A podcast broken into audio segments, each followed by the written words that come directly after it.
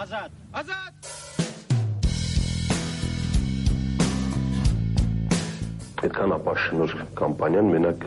մի դեպքում կարող է լինել, եթե նախագահը չէր ուզում ընտրել։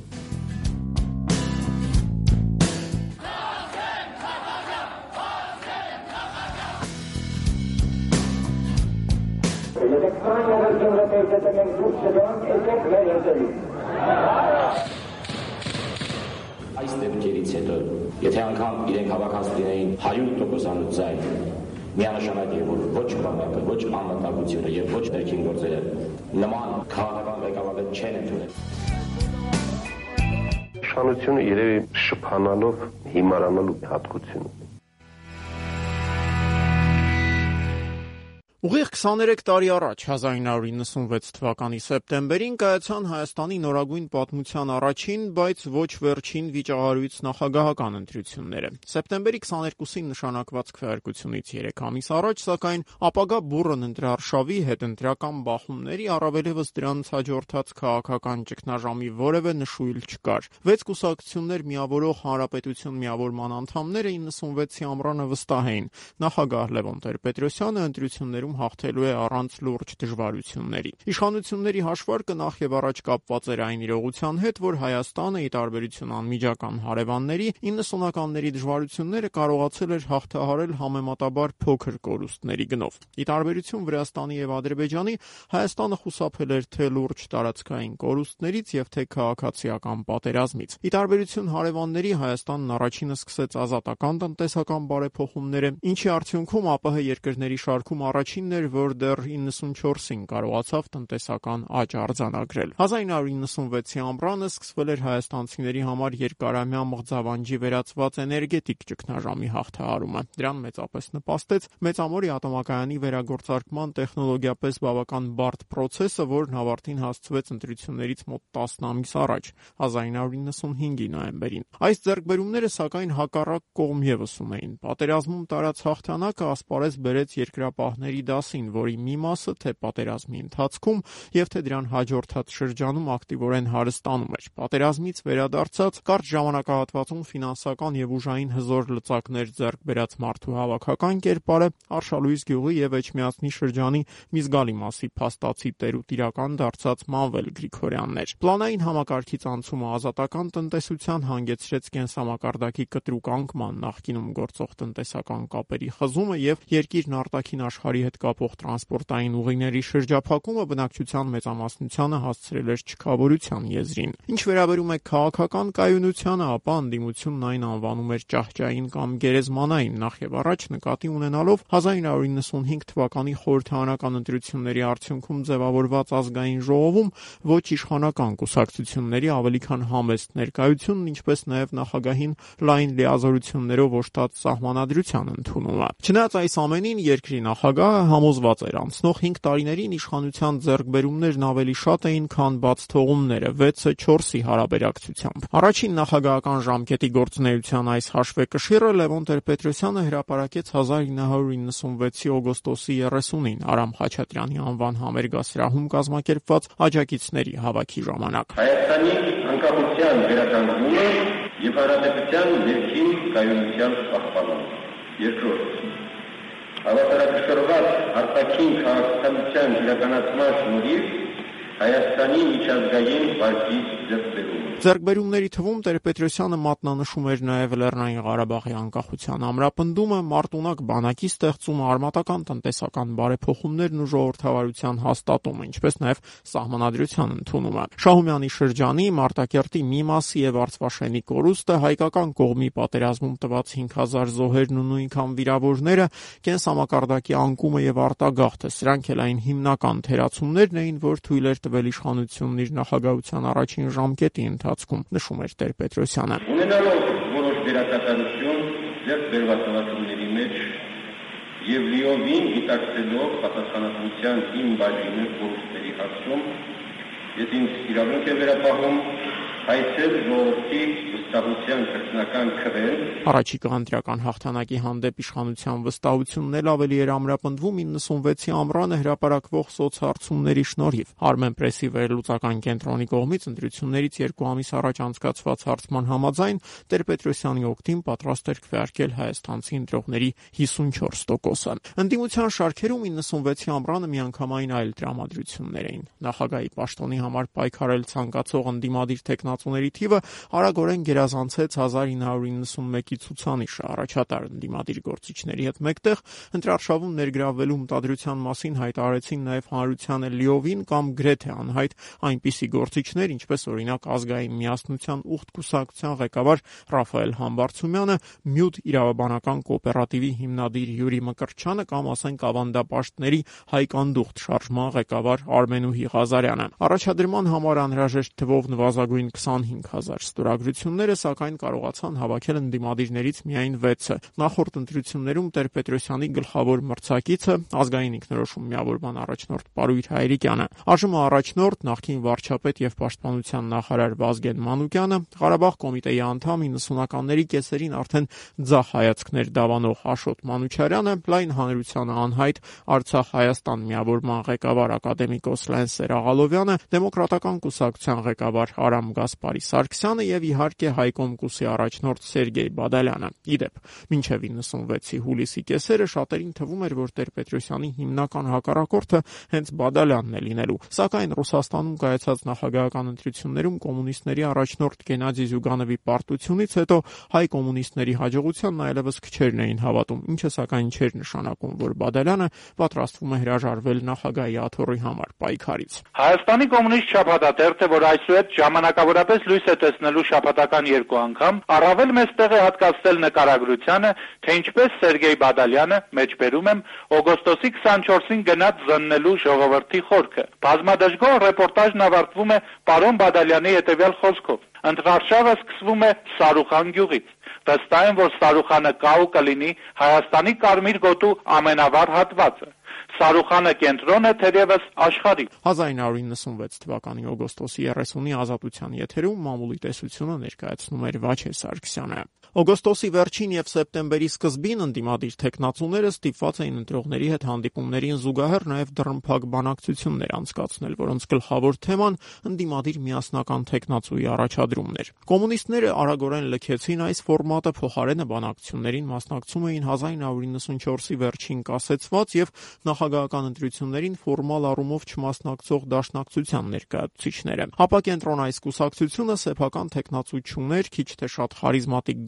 գործիչների մեծ մասն էլ 96-ին ճաղերի յետևում էր, ուստի եւ դաշնակցականներին մնում էր աջակցություն հայտնել իրենց բնորոշմամբ ամենահոգեհարազատ ընդդիմադիր տեխնացուին միաժամանակ փորձելով անել հնարավորը, որ այդ հոգեհարազատ տեխնացուն ընտրություններում Տեր-Պետրոսյանի հիմնական եւ եթե հնարավոր է միակ մրցակիցը դառնա։ Միասնական տեխնացուի շուրջ բանակցությունները սակայն դյուրին չէին։ Ընտրություններից մոտ 3 շաբաթ առաջ ընդդիմության միավորման հերանեկարներն այնքան մշուշոտ էին, որ Դեմկուսի առաջնորդ Արամ Սարգսյանն անկեղծորեն խոստովանում էր. Համոզված եմ, որ միասնական տեխնացուն այս փուլում չի կայանա եթե դուք սպասում եք, որ 6-ից 1-ը կլինի։ Այդ օրերին ընդդիմադիրների շրջանում մոդայիկ էր այն մտայնությունը, թե հայաստանցի ընտրողը հոգեբանորեն պատրաստ չէ միասնական տեխնացուի գաղափարին։ Տեր-Պետրոսյանի օկտին քվեարկելու պատրաստ ընտրողների թիվը քվեարկությունից շաբաթներ առաջ գնահատելով 300-ից 400 հազարի միջակայքում ընդդիմադիրները վախենում էին, որ միասնական տեխնացուի անհաջող ընտրության դեպքում պոտենցիալ ընդդիմադիր ընտրազանգվածի մի մասը կարող է քվեարկության օրը մնալ տանը կամ անգամ անցնել իշխան իշխանության կողմը։ Բոլորն ասում են միացեք եւ մեկին ձայն կտանք։ Հենց որ այդ X-ը հայտնի դարձավ, բարձ կլինի, որ կան խավեր ընտրողների մեջ, որոնք չեն համաձայնվի այդ X-ին ձայն տալ։ Այսինքն մենք կարող ենք լուրջ կորուստներ ունենալ։ Ընդդիմության ներսում քվեարկությունից ընդամենը մի քանի շաբաթ առաջ ծավալված այս բանավեճը կարծես ել ավելի էր ամրապնդում Տեր-Պետրոսյանի նախընտրական շտաբում տիրող հաղթական տրամադրությունները։ Շտաբի ղեկավարներից մեկը Տեր-Հուսիկ Լազարյանն օրինակ լրագրողներին ասում էր, որ կասկած անգամ չկա, թե Տեր-Պետրոսյանը հաղթելու է հենց առաջին փուլում։ Երևանցի ընտրողներից շատերն ի դեպ 96-ի սեպտեմբերի սկզբին ընտրարշավի ընթացքի վերաբերյալ սեփական պատկերացում ունեին, որը զգալիորեն տարբերվում էր թե իշխանամետ եւ թե ընդդիմադիր քաղաքական գործիչների այդ շրջանում արտահայտվող մոտեցումներից։ Պարզել է, որ միանգամից առաջի փուլով չի կարող իրեն բավարար ձայներ հավաքել կլինի երկրորդ փուլ նաև եւ այնտեղ կկողմնորոշվի թե ով պետք է ընտրվի։ Գիտեք, ինչ վերջին հաշվով 6 լիթ 16 լինի, վերջին հաշվով պիտի գան երկու տեխնացուի։ Իհարկե լավ կլինի, որ սկզբից եւ այդ երկու տեխնացու լինի։ Իսկ ովքեր են նրանք ինչ եք ասում։ Անշուշտ դա կլինի Լևոն Տեր-Պետրոսյանը,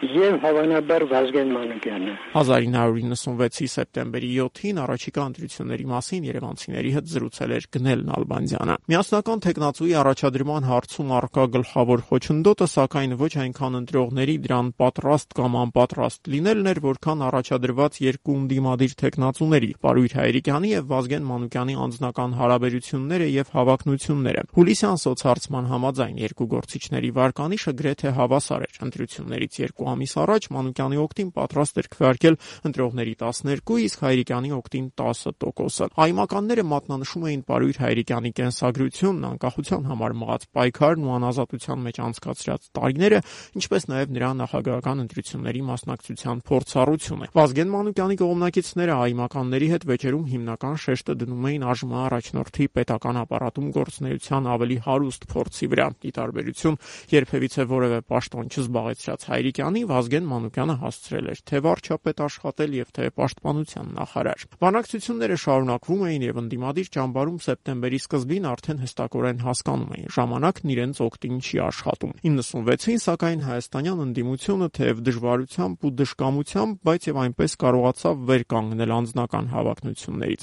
Ընտրություններից ընդամենը երկու շաբաթ առաջ ընդհանուր հայտարարի գալով միասնական տեխնացուի անձի շուրջ։ Այն որ ընտրարշավը միանգամից նոր փուլ է թևակողում, པարզ դարձավ 1996-ի սեպտեմբերի 8-ին ազգային ինքնորոշում միավորման դրամատիկ եւ բուրըն համագումարի ժամանակ։ Ազատության եթերում ԱԻՄ համագումարի մասին պատմում էր Աննա Իսրայելյանը։ ԱԻՄ-ի արտահերթ համագումարը սրտի խորը կսկիծով, ինչպես նշեց Աշոտ Մասուրյանը, եւ արցունքներն աչքերին, ինչպես կեսկատակ ավելացրեց Հայրիկյանը, հավանություն տվեց, հաստատեց միասնական տեխնացուի վերաբերյալ հայտարարագիրը եւ Վազգեն Մանուկյանը եկավ ողջույնի ու շնորհակալության խոսք ասելու։ Մեծ պատիվ է սա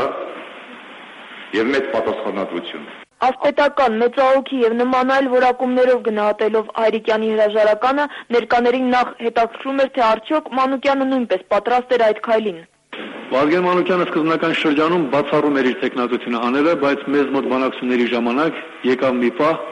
որ ինքը նույնպես ասաց, որ պատրաստ է հանել։ Վազգեն Մանուկյանին չի կարելի վստահել։ Պետք է պարտավորություններ թելադրել միասնական տեխնացուին իր ելույթում ասաց ԱԻՄ-ի փոխնախագահ Արամ Հարությունյանը։ Այլապես ոչ մի երաշխիք չկա, թե նա դարձյալ իր 28 տարվա սրճարանային ընկերներին չի նախընտրի կառավարություն կազմելիս տառապանքներս փորձ ունի ասելով վերհիշեց Եսայի Ստեփանյանին ու Գևորգ Ժոկո Վարդանյանին։ Այն փոխնախագահը կուսակիցներին հիշեցնում էր երրորդ հանրապետության առաջին բարձրաստիճան մականունավոր պաշտոնյայի փոխվարչապետ Գևորգ Վարդանյանի Ժոկոյի, ինչպես նաև նույն ժամանակաշրջանի ամենաաղմկալի կոռուպցիոն սկանդալի հերոսի արտաքին տնտեսական կապերի նախարար Եսայի Ստեփանյանի մասին։ Նրանք երկուսն էլ Վազգեն Մանուկյանի մերձավոր թիմակիցներն էին եւ 1990-ից 91 թվականներին աշխատում էին Մանուկյանի ձևավորած կառավարության կազմում։ Հայրիկյանի հետ քայլից հետո ընդդիմության միավորումն արդեն տեխնիկայի հարց էր թվում։ Սեպտեմբերի 9-ին եւ 10-ին Վազգեն Մանուկյանի օկտին ինքնաբացարկների մասին հայտարարեցին եւս երկու ընդդիմադիր տեխնացուներ՝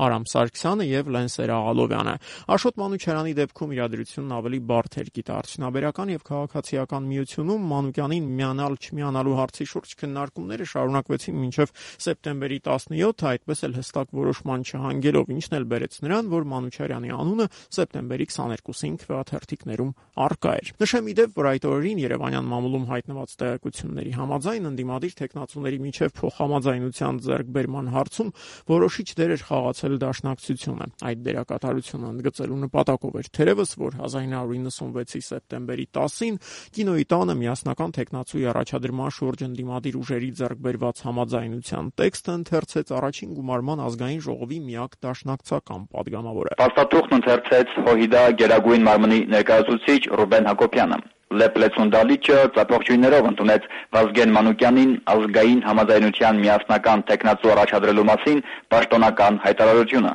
Փաստաթուղթը, որի տակ կային ԱԺՄ-ի, ԱԻՄ-ի, ՀԴԿ-ի, Արցախ-Հայաստան միության եւ ՀՕՀԻԴ անունից վավերացումները, ներառում է հետեւյալ համաձայնությունները. ձևավորել ազգային համաձայնության կառավարություն միասնական հակաճգնաժամային ծրագիր իրականացնելու նպատակով։ Երկրորդ, անցկացնել ազգային ժողովի արտահերտ ընտրություններ եւ երրորդ ոչ ուշ քան երկու տարում ընդունել նոր սահմանադրություն։ Վազգեն Մանուկյանի միասնական տեխնացու առաջադրվելուց մի քանի օր անց արդեն པարզ էր։ Դրազանգվածի կորստի վերաբերյալ որոշ ընդդիմադիրների մտավախությունները տեղին չէին։ 4 տեխնացուների եւ տեխնացու չառաջադրած, բայց ընտրարշավին ակտիվորեն մասնակցող դաշնակցության միավորումը նոր լիցք հաղորդեց ընդդիմությանը եւ ընտրություններից մոտ 10 օր առաջ Վազգեն Մանուկյանի շուրջ համախմբված ուժերն անցան տոտալ քարոզչական հարցակման։ Դինամիկ եւ նախահարցակ ընտրարշավի անցկացմանը նպաստ նպաստում էր նաև այն հանգամանքը, որ ինքնաբացարկի մասին հայտարարած երեք տեխնացուները Պարույր Հայրիկյանը, Արամ Սարգսյանը եւ Լենսեր Աղալովյանը չէին շտապում ընտրարշավից դուրս գալու պաշտոնական դիմումներ ներկայացնել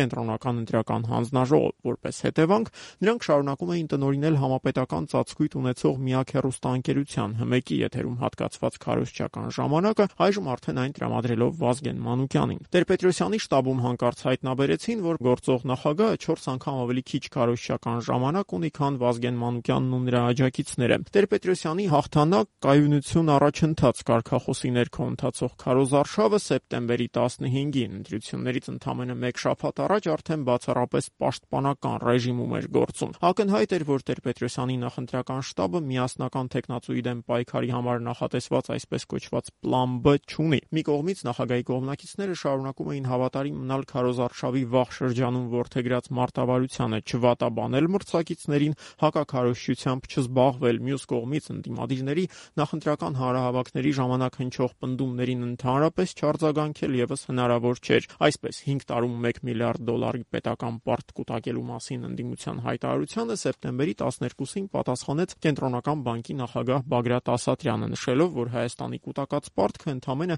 367 միլիոն դոլար է կազմում, ինչը սակայն շարքային հայաստանցու համար եւս աստղաբաշխական թիվ էր։ Հաջորդ օրը սեպտեմբերի 13-ին Վազգեն Մանուկյանի թիմակիցների աշխատավարձերը 10 անգամ բարձրացնելու խոստմանը Տեր-Պետրոսյանը հարկ համարեց անձամբ արձագանքել։ Լևոն Տեր-Պետրոսյանը ժողովրդին միամիտի տեղ դնել է որակել անիրականալի հրաշքներ խոստանալը։ Նրա խոսքերով աշխատավարձերն ու թոշակները 10 անգամ բարձրացնելու հնարավորություն հիմա էլ կա, բայց դա կտևի ընդամենը 3 ամիս, իսկ արդյունքում կկորցնենք բյուջեն, բանակը, գուցեև Արցախը։ Մի քանի օր անց սեպտեմբերի 16-ին Տեր-Պետրոսյանի թիմակիցները իրենք էին արդեն խոստովանում, որ քարոզարշավի ընթացքում ինչ որ բան այն չէ։ Առաջիններից մեկն այդ մասին խոսեց խորհրդային շրջանի անկախական այլախոհ 96-ին Տեր-Պետրոսյանին աջակցող քրիստոնյա դեմոկրատական կուսակցության առաջնորդ Ազատ Արշակյանը։ Ազատ Արշակյանը անդրադարձավ նաև Լևոն Տեր-Պետրոսյանի ընտրական թիմի նկատմամբ վերջերս վառ արտահայտվող դժգոհությանը, բացատրելով, թե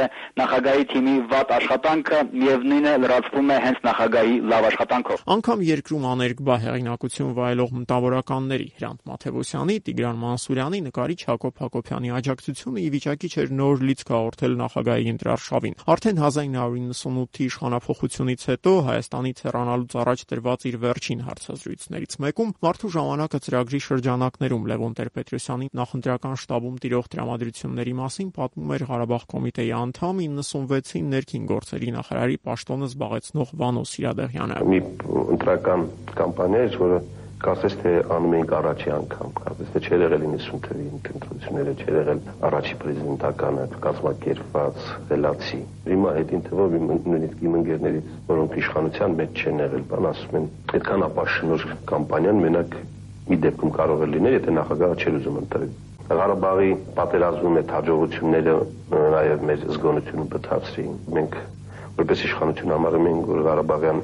քաղաքական էլիտան մեր կողմն է եւ ավելի հանգիստ էինք։ Ընտրություններից հաշված օրեր առաջ, սակայն Տեր-Պետրոսյանի շտաբը չկարողացավ արմատապես փոխել քարոզչական մարտավարությունը, ոչ էլ իրականում բավարար ժամանակ ուներ դրա համար։ Ընդդիմության շարքերում փոխարենը աստիճանաբար էյֆորիկ տրամադրություններ էին տարածվում։ Վազգեն Մանուկյանի նախընտրական շտաբի ղեկավար Սեյրան Ավակյանը դեռ սեպտեմբերի սկզբին հեգնում էր։ Այնտեղ որտեղ մեր գործերը մի քիչ դանդաղ են ընթանում, բավական է այսօրվա հանրապետության նախագահը իր քարոզարշավով մտնի այդ քաղաքը, մտնի այդ շրջանը, մեր գործերը շատ ակտիվանում են, հոսք է սկսում դեպի մեր ստրուկտուրաները Դրանից երկու շաբաթ անց ընդդիմության ոգեշնչվածությունն արդեն գագաթնակետին էր հասել։ Դաշնակցության Գերագույն մարմնի անդամ Գագիկ Մկրտչյանը սեպտեմբերի 18-ին Վազգեն Մանուկյանի նախընտրական շտաբում կազմակերպված ասուլիսի ժամանակ չէր էլ փորձում թաքցնել իրեն պատած ոգևորությունը։ Այս ոգևորությունը կարելի է համեմատել միայն 88 թվականի հետ շատ դեպքերում նույնիսկ այս ալիքը 88 թվականի ալիքից ավելի բարձր է բարձրացել։ Ընտրարշավը մոտենում էր եզրագծին եւ Տեր-Պետրոսյանի շտաբը որոշեց, որ իրավիճակը կարող է փրկել համապետական հանրահավաքը։ Այն կազմակերպվեց 1996-ի սեպտեմբերի 18-ին Հանրապետության հրապարակում։ Չնայած շտաբի բոլոր ջանքերին, սակայն այդ հանրահավաքը այդպես էլ իր հիմնական նպատակին չհասավ, չվերածվեց քարոզչական ուժի յուրատեսակ ցուցադրության։ Նախագահի հասարակշռված փակալության շնորհիվ այսօր զինադադար խաղաղություն է արտահայտված Երկիրը բռնել է խաղ զարգացման ուղին։ Տեր-Պետրոսյանի շտաբի ղեկավարներից մեկի Տեր Հուսիկ Լազարյանի այս ելույթն այդ օրը հնչած երկարաշունչ ճառերից միակը չէր, գրեթե նույն ոճի մեջ էր հանրահավաքի լուսաբանումը նախագահային աջակցող լրատվամիջոցներում։ Միայն մեկ օրինակ ահա թե ինչ եւ ինչպես էր հանրահավաքի մասին գրում Հայաստանի Հանրապետություն օրաթերթը սեպտեմբերի 19-ի իր համարում։ Երկեր պար մտերմիկ ջերմություն իր ընտրած նախագահով լրիվացած ժողովուրդ էր, որի սրտում դժվարությունը քեն ցավ չարություն չէր թողել, բացվել էր ժողովրդի սիրտը ու ասես ժամանակը տարել էր իր բերած դժվարությունները։ 1996-ի սեպտեմբերի 19-ին Հայաստանի Հանրապետություն թերթում գրում էր լրագրող Կարմեն Դավթյանը։ Նման քարոզարշավի պայմաններում կարծես թե կրկին իրավացի էր Ազատ Արշակյանը։ Իրոք տին քարոզչությունը Լևոն Տեր-Պետրոսյանը պետք է ինքնուրույնաբար իրականացներ։ Արամ Աբրահամյանի դեմ արդեմ հաղորդաշարին տրված հարցազրույցում Լևոն Տեր-Պետրոսյանը հայտնեց, թե ակնկալում էր փոխադարձաբար զուսպ չանձնավորված եւ սակայն համապատասխան քաղաքական գնահատականներով ընտրարշավ։ Եվ սկզբում կարծիք թե այդպես է, վերջին շրջանում կարծիք թե նրանց նյարդերը տեղի են տվել եւ նրանք վերադարձել են այն ոչին, որով ընթանում էր 91 թվականի նախագահական ընտրարշավը։ Բացելով փակագծերը նախագահը նշեց, թե ընդդիմությունը բռնել է վարկաբեկման, կեղծիքների եւ սոցիալական դեմագոգիայի ճանապարհը։ Սոցիալական դեմագոգիան Ես կարծում կարծում եմ հիմնված այն բարձ հանգամանքի վրա, որ նրանք չեն պատկերացնում մեր երկրի ռեալ իրավիճակը։ Եթե նրանք լավ գիտենային մեր երկրի վիճակը, երկրի հնարավորությունները, նման խոստումներ չէին տա, Համաձայն է կարճոք, որ որոշ ուժերի հաղթանակի դեպքում նորից ստիպված կլինեն գոյության խնդիրներ լուծել։ Եվ Բադալյանի ընտրության դեպքում, եւ մանավանդ Վազգեն Մանուկյանի ընտրության դեպքում մենք կվերադառնանք այն վիճակին, որում էինք 1991 թվականին։ Եթե մեր ժողովուրդը կարողացավ խուսափել այն չարիքներից, որոնք իրենց ժողովուրդների գլխին բերին Գամսախուրդյան եւ Էլչիբեյը, իսկ կարծում եմ այս նախադեպից հետո կատարել այդ սխալը կլիներ ամտության ամենավերին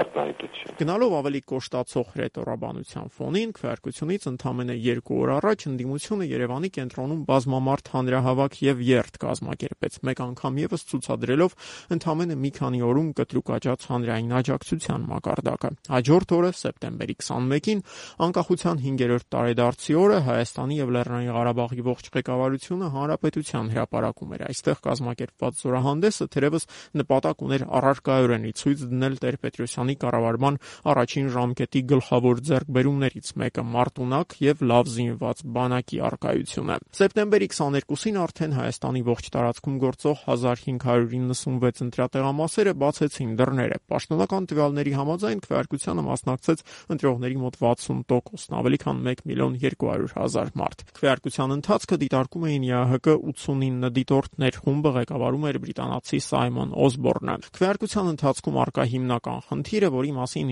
96-ի սեպտեմբերի 22-ին ահազանգում էին թե ընդդիմության ներկայացուցիչները եւ թե արևմտյան դիտորդները, վերաբերում էր զինվորականների քվեարկությանը։ Զորամասերը իրենք էին կազմում քվեարկելու իրավունք ունեցող զինծառայողների ցուցակները, որոշ դեպքերում դրանցում վերջին պահին հավելյալ անուններ ընդգրկելով։ Բուն տեղամասերում ըստ դիտորդների սպայակազմը շատ հաճախ ուղղորդում էր զինվորներին, որ เป զի նրանք քվեարկեն գործող նախագահի օգտին։ Խնդիրներն էլ ավելի շատացան քվեների հաշվարկի ընթացքում։ ՀՀԿ դիտորդների կողմից դիտար թողարկված 37 տեղամասերից 13-ում հաշվարկը գնահատվեց կամ խնդրահարույց կամ շատ վատ։ Նյարդային պայմաններում մեկնարկող հաշվարկին զուգահեռ Վազգեն Մանուկյանի կողմնակիցներն արդեն ազատության հրապարակում էին, իսկ երկրի քաղաքական ղեկավարությունը մի քանի 100 մետրային կողմ Բարեմյան պողոտայում գտնվող հայոց համազգային շարժման գրասենյակում, որտեղ այժմ Սիրիայի դեսպանությունն է։ Վանո Սիրադեղյան։ Ստանում ենք այդ անմխիթար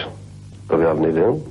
ընդ որում այդ գիշեր մեր այդ վարչության շենքից անդադ լուրեր էին տանում հրապարակում հավաքված Վազգենի կողմնակիցներին, որ այնտեղ կճված են անմխիթար տվյալները տանում են դրանից դրանից բացատրում նաև որ շատ ողջևորվեցին Մանուկյանը, չեցինքը հաստատ չէր անցել լուրեր տանել որ առաջինը լավ նկատեց դա Ռոբերտ Քոչյանից նույն գիշերը Գես գիշերին մոտ կենտրոնական ընտրական հանձնաժողովի նախագահ Խաչատուր Բեզիրջյանը մի շարք մարզային տեղամասերի տվյալներ ներկայացրեց, որտեղ հաղթել էր Լևոն Տեր-Պետրոսյանը եւ հայտարարեց, որ նոր տվյալներ մինչեւ առավոտ չեն լինի։ Նույն այդ ժամերին Տեր-Պետրոսյանի շրջապատում Ստվանոս Իրադեղյանի սկսում էին մտածել երկրորդ փուլի հավանականության մասին։ Ծանր մտնոլորտում Վազգենին Սարգսյան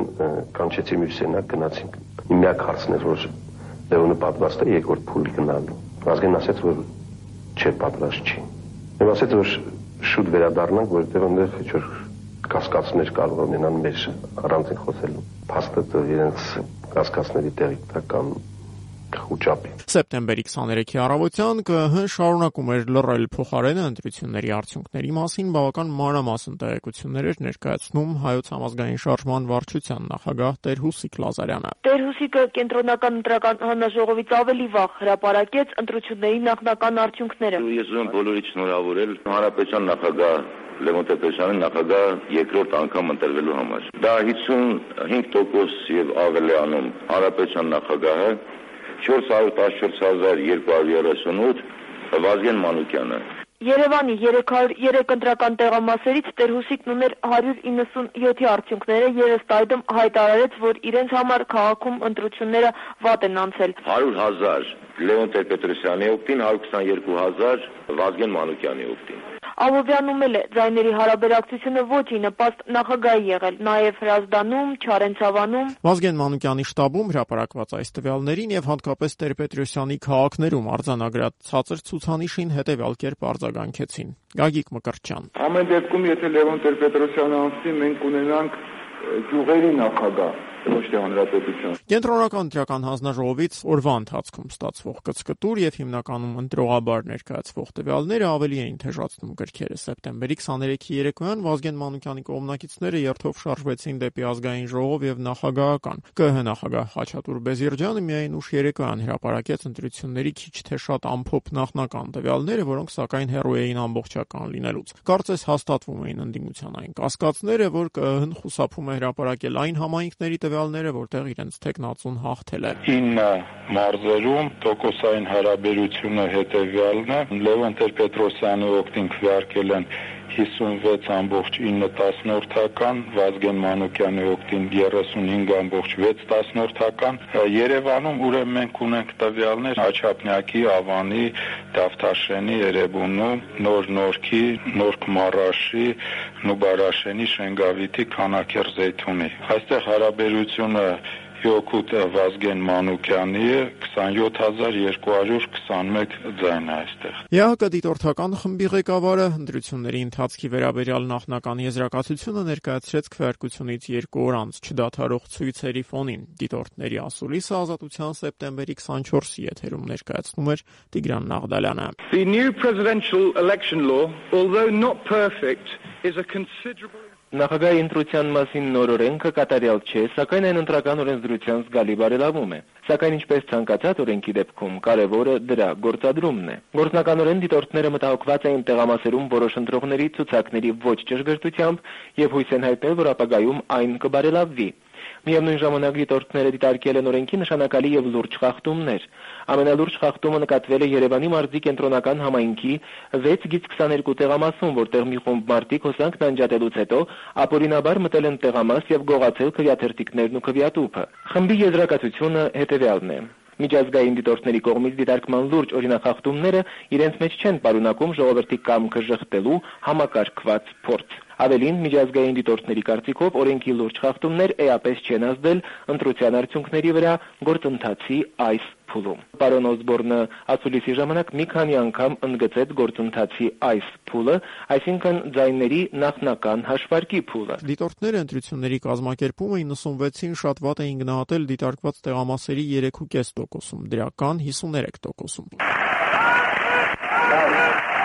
Սեպտեմբերի 24-ին ցույցերը Երևանում շարունակվում էին։ Թեև ԿԸՀ տվյալների համաձայն Տեր-Պետրոսյանի ցուցանիշը փոքրինչ. Նվազում էր, այնուհանդերձ շարունակում էր մնալ 50%-ից բարձր մակարդակի վրա, ինչը նշանակում էր, որ երկրորդ փուլ չի լինելու։ Դա ավելի էր թեժացնում. Կրքերը եւ քվեարկությունից երկու օր անց ի հայտ եկան առաջին նշույլները, որ վկայում էին. Իրավիճակը կարող է դուրս գալ վերահսկողությունից։ Ժողովուրդը որոշեց ցույցով շարժվել դեպի կենտրոնական ընտրական հանձնաժողով։ Այն անցավ Տեր-Պետրոսյանի շտաբի կողքով, փոկեց նրա բոլոր պաստառներն ու այրեց, ԱՄՆ-ի դեսպանատան պատին փակցրեց ԱՄՆ-ի կառավարությունը օժանդակում է բռնապետությանը Հայաստանում պաստառը, ապա սուլոցներով շրջապատեց ազգային ժողովը ու չկամորեն իրենց առաջ հայտնվող ոստիկաններին ամոթանք տվեց։ 1996-ի սեպտեմբերի 24-ին Երևանի կենտրոնում կազմակերպված երթի մասին ազատության եթերում պատմում էր Տիգրան Նաղդալյանը։ Վազգեն Մանուկյանի բնորոշմամբ, սակայն վճռորոշը հաջորդ օրն էր սեպտեմբերի 25-ը։ Այդ օրը դիմելով ազատության հրապարակում հավաքված իր հազարավոր աջակիցներին Վազգեն Մանուկյանը նախ անկեղծորեն նշեց, որ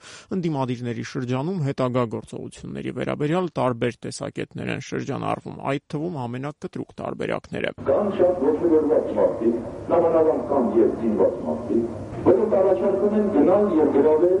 նախագահի պալատը։ Նախագահական կայքի գրավումը օնակին գործիքով սխալ է։ Դեմ լինելով Բահրամյան 26-ի վրա գրոհին Մանուկյանը պահանջում էր, որպեսզի կենտրոնական ընտրական հանձնաժողովը վերահաշվարկ իրականացնի յուրաքանչյուր մարզի երեքական տեղամասերում ստուգելու համար արդյոք հաշվարկված քայաթերթիկները եւ արձանագրություններում տեղ գտած ամփոփիչ տվյալները համընկնում են։ Այդ նպատակով ընդդիմադիր падգամավորները պատրաստվում էին կողմնակիցների ուղեկցությամբ գնալ կենտրոնական ընտրական հանձնաժողով, որն 96-ին տեղակայված էր ազգային ժողովի շենքում։ Մենք հիմա գնում ենք այնտեղ։ Եթե չփոխվեն ներ, մտնում ենք ժողովուրդով։ Իրադարձությունները սակայն սրընթաց կերպով սկսեցին զարգանալ 1996 թվականի սեպտեմբերի 25-ի ժամը 17:37 րոպեից սկսած Վազգեն Մանուկյանի հայտնի արտահայտությունից հետո։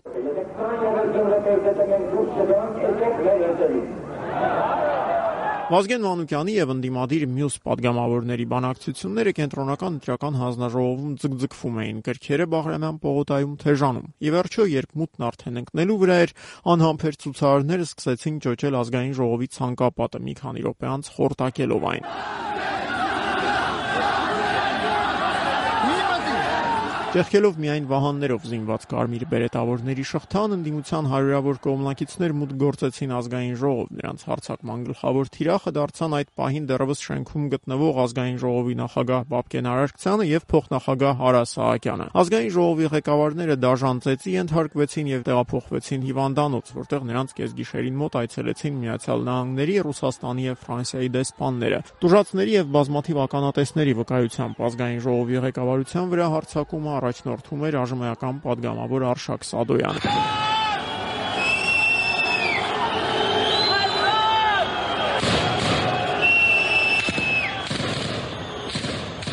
Միայն անվտանգության ուժերի օդ հարցակած կրակոցներից, ապա նաև Բաղրամյան պողոտայում ջրցան մեքենաների կիրառումից հետո ընդդիմադիրները վերադարձան ազատության հրապարակ։ Իշխանության եւ ընդդիմության միջև հնարավոր երկխոսության վերջին հույսերը օդս էին ցնդում։ Տպավորություն էր, որ թե իշխանության եւ թե ընդդիմության ներսում սեպտեմբերի 25-ի երեկոյան որոշումները կայացնում էին անհաշտ եւ կոշտ գծի կողմնակիցները։ Իշխանության ներսում դա նախ եւ առաջ պաշտպանության նախարար Վազգեն Սարգսյանն էր։ Այս դեպքերից հետո Եթե անգամ իրենք հավաքած լինեին 100% ձայն, միանշանակ է, որ ոչ բանակը, ոչ անվտանգությունը եւ ոչ ներքին գործերը նման քաղաքական ղեկավարներ չեն ընդունել։ Ազգային ժողովի շենքի վրա անդիմության ձեռնարկած գրոհը Երևանցիներից շատերի մոտ մեղմասած տարակուսանքի զգացողություն առաջացրեց։ Ոմանք սկսեցին փոքրինչ այլ կերպ նայել նախընտրական շրջանում Լևոն Տեր-Պետրոսյանի կողմից անընդհատ կրկնվող այն մտքին, թե հարկավոր է խուսափել Վրաստանի եւ Ադրբեջանի փորձից։ Ուղղակի ուզում եմ, որ առնահեղություն չլի, մեղ կա ժողովուրդը։ Մենք հպարտանում ենք, որ Հայաստանում քաղաքացիական չեղավ, չէ՞։ Դրանով է նոր են Լևոն Տեր-Պետրոսյանը խոսեց այդ մասին։ Ամեն դեպքում քաոսը հիմա մեզ ձեռնտու չի։ Էսը պետք է մի ձևով էլի կոմպրոմիսի նման հարթվի գնայել է ինչ ասում։ Դա շատ անմարդկային էր։ Այ այդտենց դեպք ես չգիտեմ, չեմ պատկերացնում։ Ծեծել է աստիճան այդ մարդկանց, ես չեմ գնահատում դա։ Ուրեմն հարգելի հայրենակից ձեր հերախոսահամարը սկսվում է 58-ով, ենթադրում եմ, որ դուք ապրում եք քաղաքի կենտրոնում։ Ինչպես եք դուք գնահատում կենտրոնում տեղի ունեցած իրադարձությունները։ Դա հետևանք այն կեղծ ընտրությունների Հայաստան այսօր փաստորեն ունի օրինական ոչ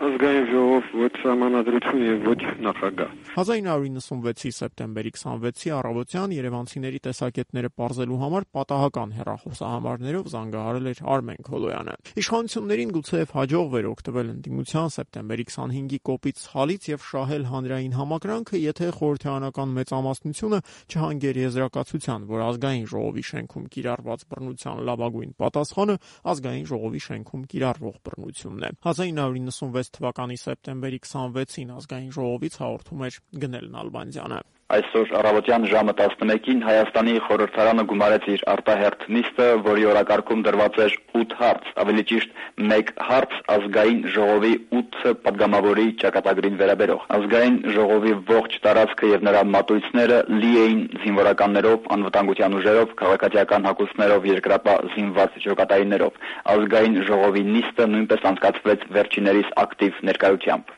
Յուրաքանչյուր հարցը ներկայացնում էր հանրապետության գլխավոր դատախազ Արտավազդ Գևորգյանը որպես միջնորդություն, падգամավորներ Արշակ Սադոյանին, Սեյրան Ավակյանին, Դավիթ Վարդանյանին, Շավարժ Քոչարյանին, Ռուբեն Հակոբյանին, Պարույթ Հայրիկյանին, Ներսես Զեյնալվանդյանին եւ Վազգեն Մանուկյանին առանձին-առանձին քրեական պատասխանատվության ենթարկելու համաձայնություն տալու մասին։ Ներկայացված 8 միջնորդություններն էլ խորհրդարանը ընդունեց մոտ 150 կողմ, երբեմն երբեմն 0 կամ 3-4 դեմ ձայներով։ Որպես կանոն հարց տալու կամ ելույթ ունենալու ցանկություն չեր հայտնում եւ ոչ մի падգամավոր։ Դալիճում հայտնված Շավարժ Քոչարյանը այնուամենայնիվ ելույթի համար ձայն խնդրեց։ Ես ցավում եմ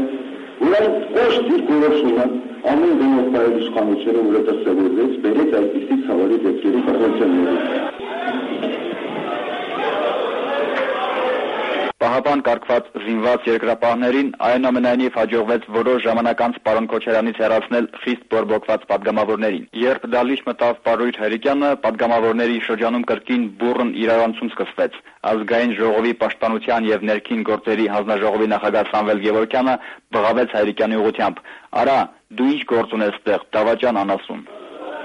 Պարույր Հայրիկյան երրորդ փոխապող Ես քրոսեմ ես հուզական մտոնոտից վեր կանգնել։ Ես այսօր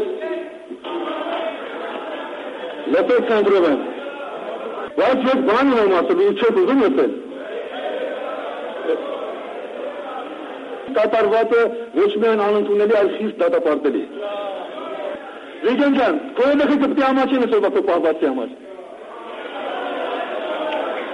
Պարուրիչ Հայրիկյանի խոսքին պատգամավորները հետևում էին ծիծաղով, քմծիծաղով եւ կամահարական ժպիտներով։ Բաբկեն Արաքցյանը անդրադարձավ այն խնդրին, որ երկրապահներից մեկը խորհրդարանում անշուշտ պաշտոնական հրաման կատարելով կանգնած էր Հայրիկյանի կողքին։ Այդ ինչի է այդքան նեփանկար դարձել, որտեղ ես ամբողջ կյանքում առանց պապանության եմ անեկել։ Իսկ եթե ունենային եւ այնտեղ մենք պարտավոր էինք կրակել, հիմա պատկերած մեկ ինչ կլներ, Աշոկ Սադոյանը հիմա լեշ կլներ։ 96-ի սեպտեմբերի 25-ին եւ 26-ին ազգային ժողովում տեղի ունեցած այս իրադարձությունները կարծես եկան ազդարարելու 88-ի շարժումից ծնված երկու ուժերի՝ հայոց համազգային շարժման եւ ազգային ժողովրդավարական միության քաղաքական մայրամուտի սկիզբը։ Վազգեն Մանուկյանն այլևս երբեք որևէ համապետական ընտրության ժամանակ չկարողացավ կրկնել 96-ի հաջողությունը։ Լևոն Տեր-Պետրոսյանը նախագահի պաշտոնից հեռացավ սեպտեմբերյան աղմկալի ընտրություններից 1.5 տարի անց 98-ի փետրվարյան հեղաշրջման հետևանքով իշխանությունը հանձնելով մարդկանց եւ ուժերի լուրերի, որոնց հերուն գնացող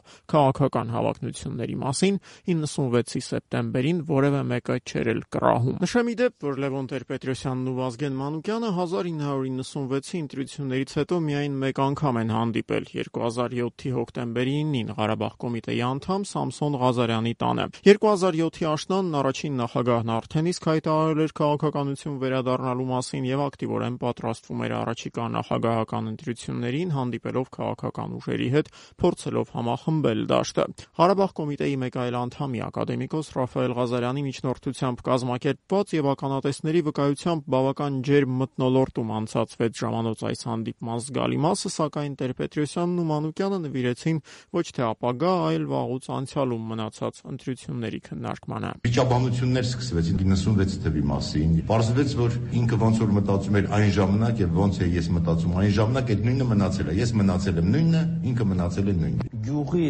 Չասկովին այս գործը ի վիճակի է վճռականության դեպքում, ցանկության դեպքում բացել։ Կասկածի ворթը մեզ ներսից ուտելու է, մեզ ջանդամը պետությունն է ուտելու։ Կյանքը ցույց կտա, թե ով ինչ է արել Արցախի համար եւ ով է իրականում ծախում այն։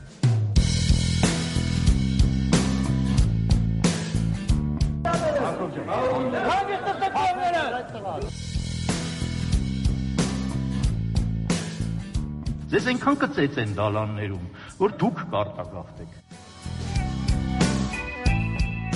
Նորագույն պատմություն։ Երրորդ հանրապետությունն ազատության աչքերով։ Յուրաքանչյուր ամսվա վերջին շաբաթ օրը։